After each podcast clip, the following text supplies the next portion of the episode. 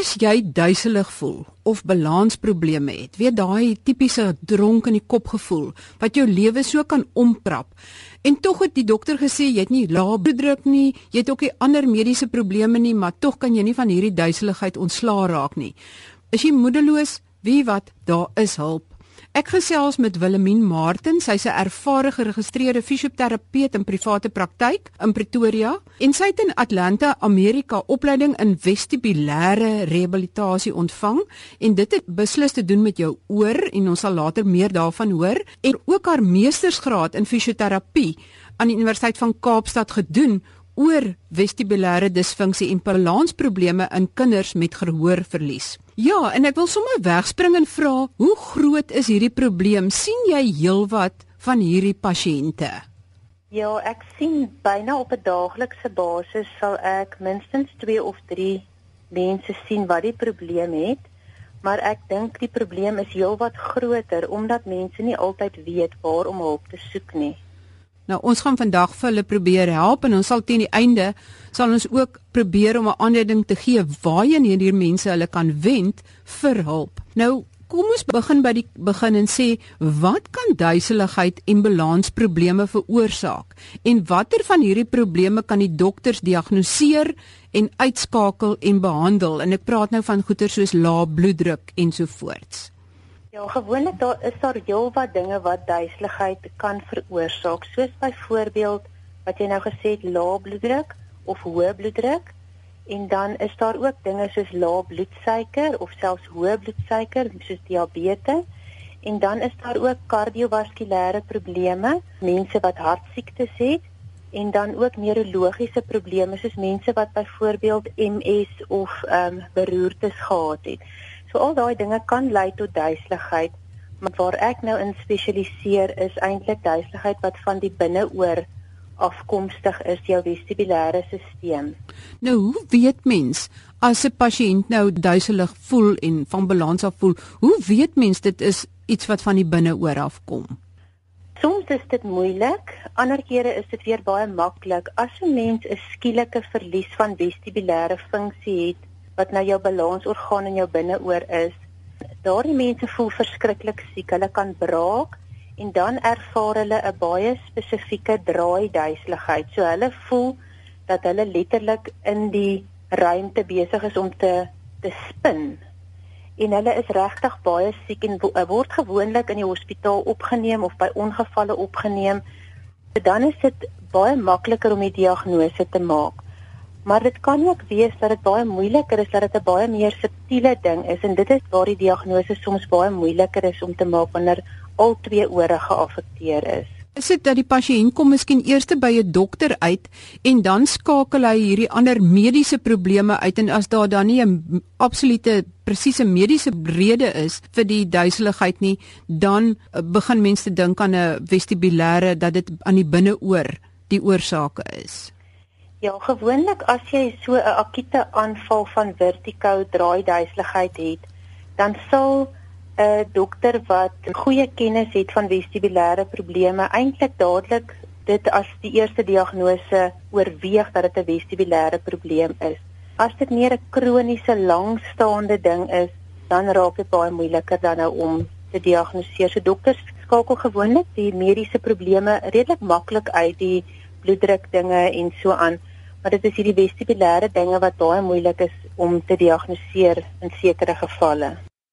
Ons praat nou die hele tyd van vestibulêre probleme, maar verduidelik 'n bietjie wat is dan in die binneoor wat verkeerd loop dat mens so duiselig voel en uh, vertigo het, balansprobleme het. Kan jy so 'n bietjie van die anatomie en die fisiologie van die binneoor en die beheer van balans verduidelik? die vestibulêre stelsel wat in jou binneoor gedeeltelik in jou binneoor en gedeeltelik is dit ook in jou brein geleë maar die die binneoor gedeelte ehm um, hy het drie hooffunksies. So sy eerste funksie is om te help met visuele stabiliteit.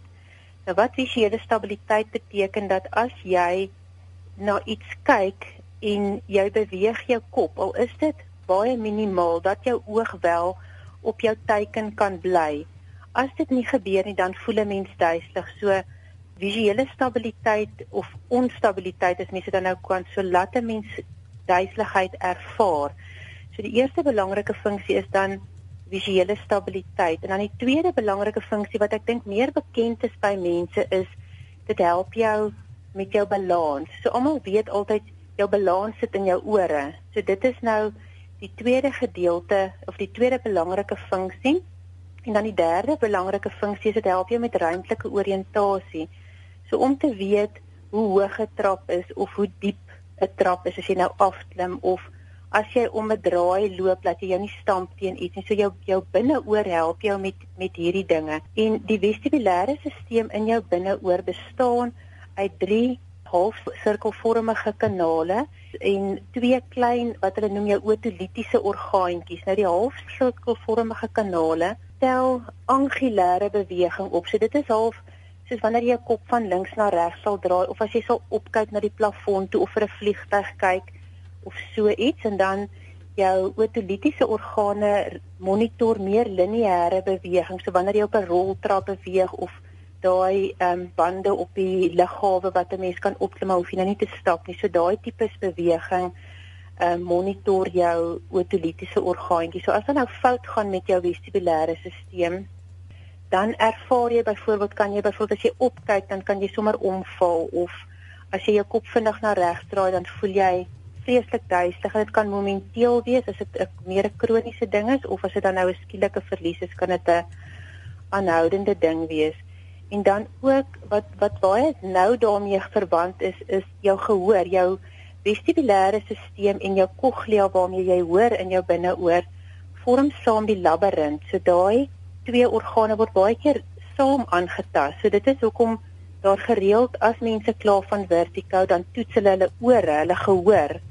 En dit is hier waar die audioloog ook 'n baie belangrike rol speel. Is dit ook hoekom jou studie gegaan het saam met gehoorverlies in kinders? Ja, want jou vestibulêre stelsel en jou cochlea in die fetale ontwikkeling ontwikkel eintlik in dieselfde tyd van ontwikkeling. So baie gereeld gebeur dit dat kinders wat doofgebore is ook vestibulêre probleme het en balansprobleme het. So dit is redelik algemeen. Kom ons fokus eers op die kinders of jong mense. Wat is gewoonlik die probleem daarso? Wat veroorsaak dan die skade aan die binneoor? Is dit 'n virus of hoe gebeur dit? Ja, oor die algemeen is dit 'n is dit 'n virus. Dit kan ook bakterieël wees, maar dit is meer hulle vermoed meer algemeen 'n virus en dan is dit ook die die herpesvirus wat eintlik jou doodgewone koorsblaar virus is wat mens baie algemeen mense draers is van hierdie virus. So as jy geneig is tot koorsblare, dan leef die virus eintlik in jou liggaam en hy kan dan nou sekere dinge doen. Hy's nie noodwendig dat hy jou vestibulêre stelsel kan aanval nie, maar dit is eh, dan 'n moontlikheid. Die algemeenste ding onder jonger mense is gewoonlik dan wat hulle dan nou noem 'n vestibulêre neuritis of dan 'n labyrintitis as jou gehoor dan saam met dit aangetast word. Hoe behandel julle dan die mense? Ek neem aan dit is met 'n een of ander tipe oefening. Ja, so as dit nou 'n akute aanval is, as dit nou 'n sien nou maar ons praat nou van 'n unilaterale probleem waar mens nou 'n vestibulêre neuritis um onderlede het, dan sal die gewoonlik die eerste 72 uur van daai toestand voel die persoon baie siek. So hy kan amper nie sy kop oplig nie. Hulle braak en hulle is dronk en hulle is regtig baie duiselig. Gee hulle gewoonlik vir hulle medikasie wat bietjie dis maar hierdie gewone reisiekte medikasie wat dit bietjie onderdruk, partykeer 'n bietjie van 'n kalmeer tipe pilletjie en dan nou na 72 uur is dit nogal belangrik dat mens dan met die rehabilitasie begin. So dit is 'n oefeningsgebaseerde terapie wat oog en kopbewegings insluit. So die grootste doel aanvanklik veral in jonger mense is om weer daai visuele stabiliteit te herstel en dit doen ons dan nou met spesifieke oog en kop bewegings. Kan jy byvoorbeeld verduidelik? Ek is nou jou pasiënt, ek staan voor jou, wat presies moet ek doen? OK, as jy nou nie doodnaar is nie, dan sal ek nou vir jou byvoorbeeld 'n 'n kaartjie in jou hand gee met 'n letter of 'n syfer of 'n kol op 'n baie definitiewe visuele stimulus wat ek vir jou kan gee, maar 'n een eenvoudige stimulus, so net 'n kol of 'n A of 'n B of so ietsie wat jy dan in jou hand hou en dan hou jy jou oë gefokus op daai A of B en dan beweeg jy jou kop van kant tot kant. Vir sien nou maar 'n tyd van 30 sekondes of hoe lank die pasiënt dit ook kan tolereer want dit kan hulle baie naar maak. So mense wil hulle nou nie laat seker voel as wat hulle reeds is nie en um, dan sal mens nou van daar af die oefening progresseer en meer oefeninge doen en wat is die ideaal hoeveel hoe intens en hoeveel kere 'n week moet mens hierdie oefeninge doen en hoe lank voordat daar gewoonlik resultate is? Ok, gewoonlik as mens begin met die oefeninge, as dit nou 'n een eenvoudige vestibulêre neuritis is, sal mens die oefeninge 2 tot 3 keer 'n dag moet herhaal. En gewoonlik oor 'n tydperk van so 6 tot 8 weke. So mense wat gewoonlik ook die probleem is met hierdie mense, omdat die oefening hulle nie laat lekker voel nie, sal hulle partykeer te gou ophou daarmee omdat dit hulle bietjie kan laat naar voel of duiselig voel. So dit is baie belangrik om dit gereeld te doen en dan ook oor 'n tydperk van 6 tot 8 weke. Ek neem aan dat die skade in die binneoor self nie herstel kan word nie, maar hoe werk dit dat die een dan begin beter voel? Verander iets in die brein of of wat gebeur? Ja, dis presies so.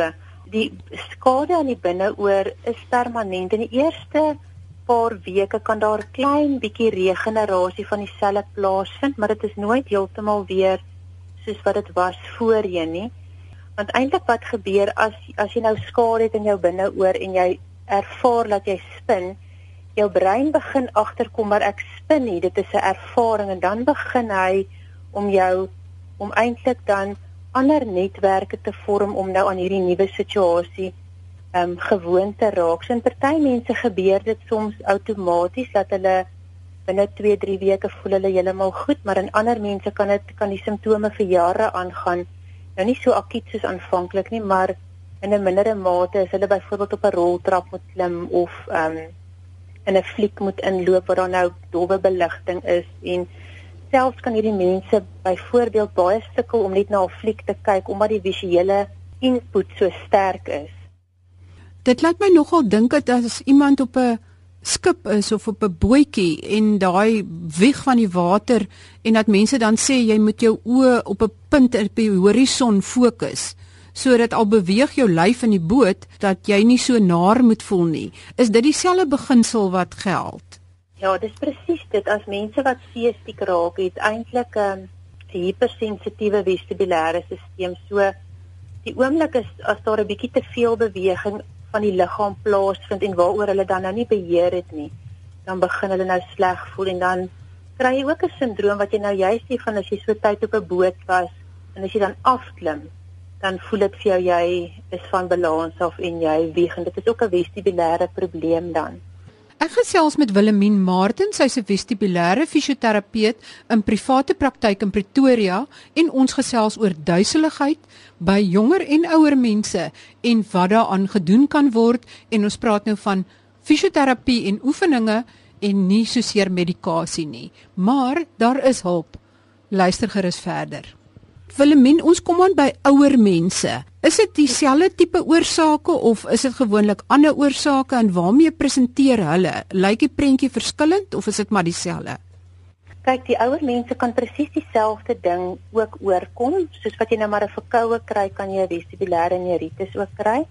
En dan wat baie keer gebeur in ouer mense is dat hulle hierdie skade eintlik lank terug gekry maar hulle het so goed aangepas en hulle het nou eintlik al vergeet hulle die probleem gehad, maar soos wat hulle minder aktief raak, kan hulle meer ehm um, weer meer duiselig raak en dan begin val wat nou die 'n groot probleem is in ouer mense omdat die komplikasies van val so ernstig is.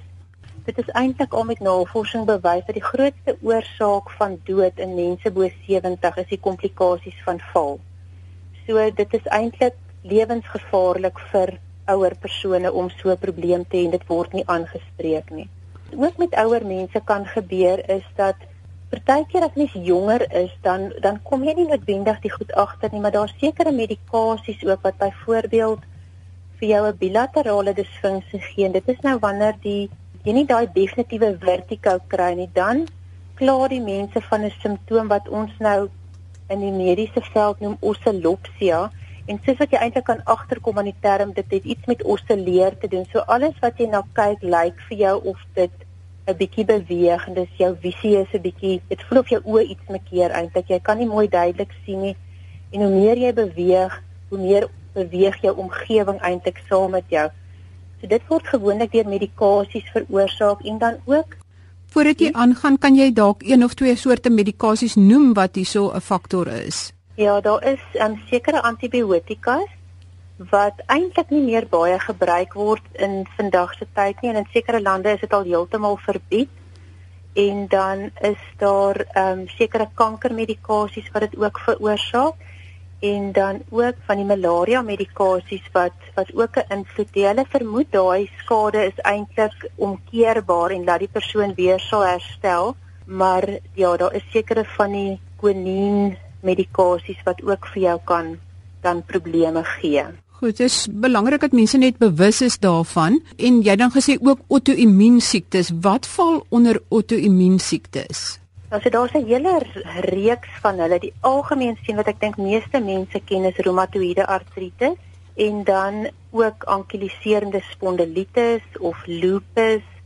Daar is regtig 'n hele klomp van hulle en die navorsing daaroor is nie altyd so baie duidelik nie. So as jy mens gaan kyk na wat in die navorsing is, dan sal hulle sal dit baie keer aangedui wees dat dit wel kan gebeur en dan kry jy dan begin hulle dit eintlik nou ook noem die autoimmune inner ear disease. Dan kry jy dan dan word dit eintlik as 'n nuwe toestand geklassifiseer saam met jou outoimmune siekte wat jy dan nou het.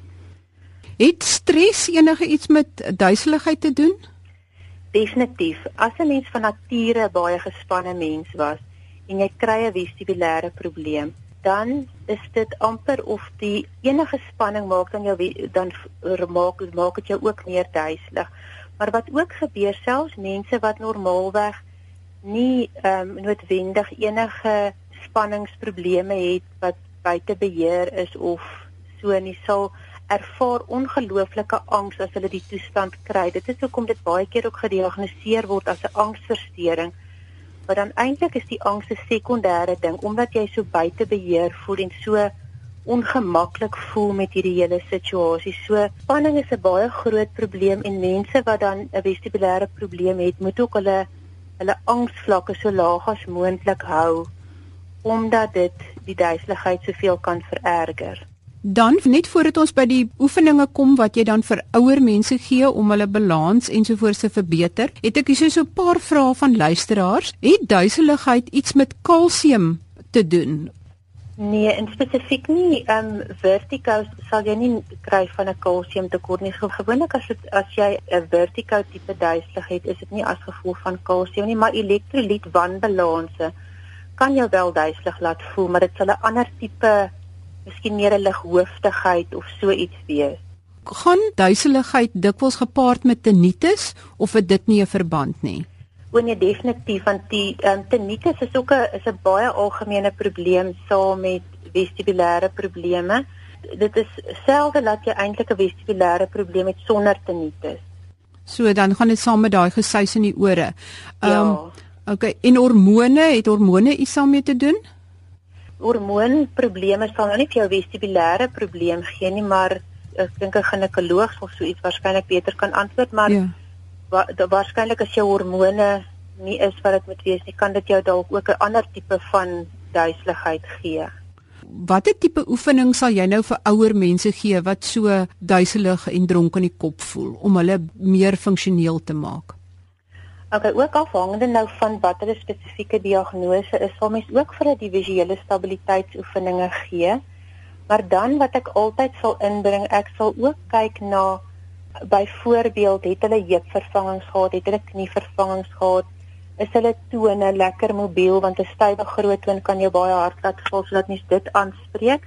En dan sal mens omdat hulle baie dikwels baie onaktief raak, omdat hulle so bang is vir val, ehm um, sal mens dan nou meer tipe van 'n proprioseptiewe oefeninge gee wat nou maar beteken dat die inligting wat uit jou liggaam uit aan jou brein gestuur word goed kan benut. So as jy byvoorbeeld op 'n op 'n bietjie van 'n ongelyke oppervlakte stap dat jou brein sal besef ek moet hier korrigeer, ek moet daar korrigeer. So dan is dit maar tipiese balans tipe oefening. Jy sal byvoorbeeld iemand laat staan op 'n op 'n spons en hulle sê okay kyk links, kyk regs of ehm um, so 'n bietjie van 'n hindernisbaan maak waar hulle om 'n kegel loop en oor 'n boek klim of daai tipe van goed. En dan ook miskien meer statiese balans waar hulle net een beentjie staan terwyl hulle vir hulle tee maak. Dit mens kan dit inbring in hulle daaglikse lewe. Willemien, as iemand nou so 'n probleem het, waarheen kan hy gaan om hulp te kry of hoe moet iemand hulp soek?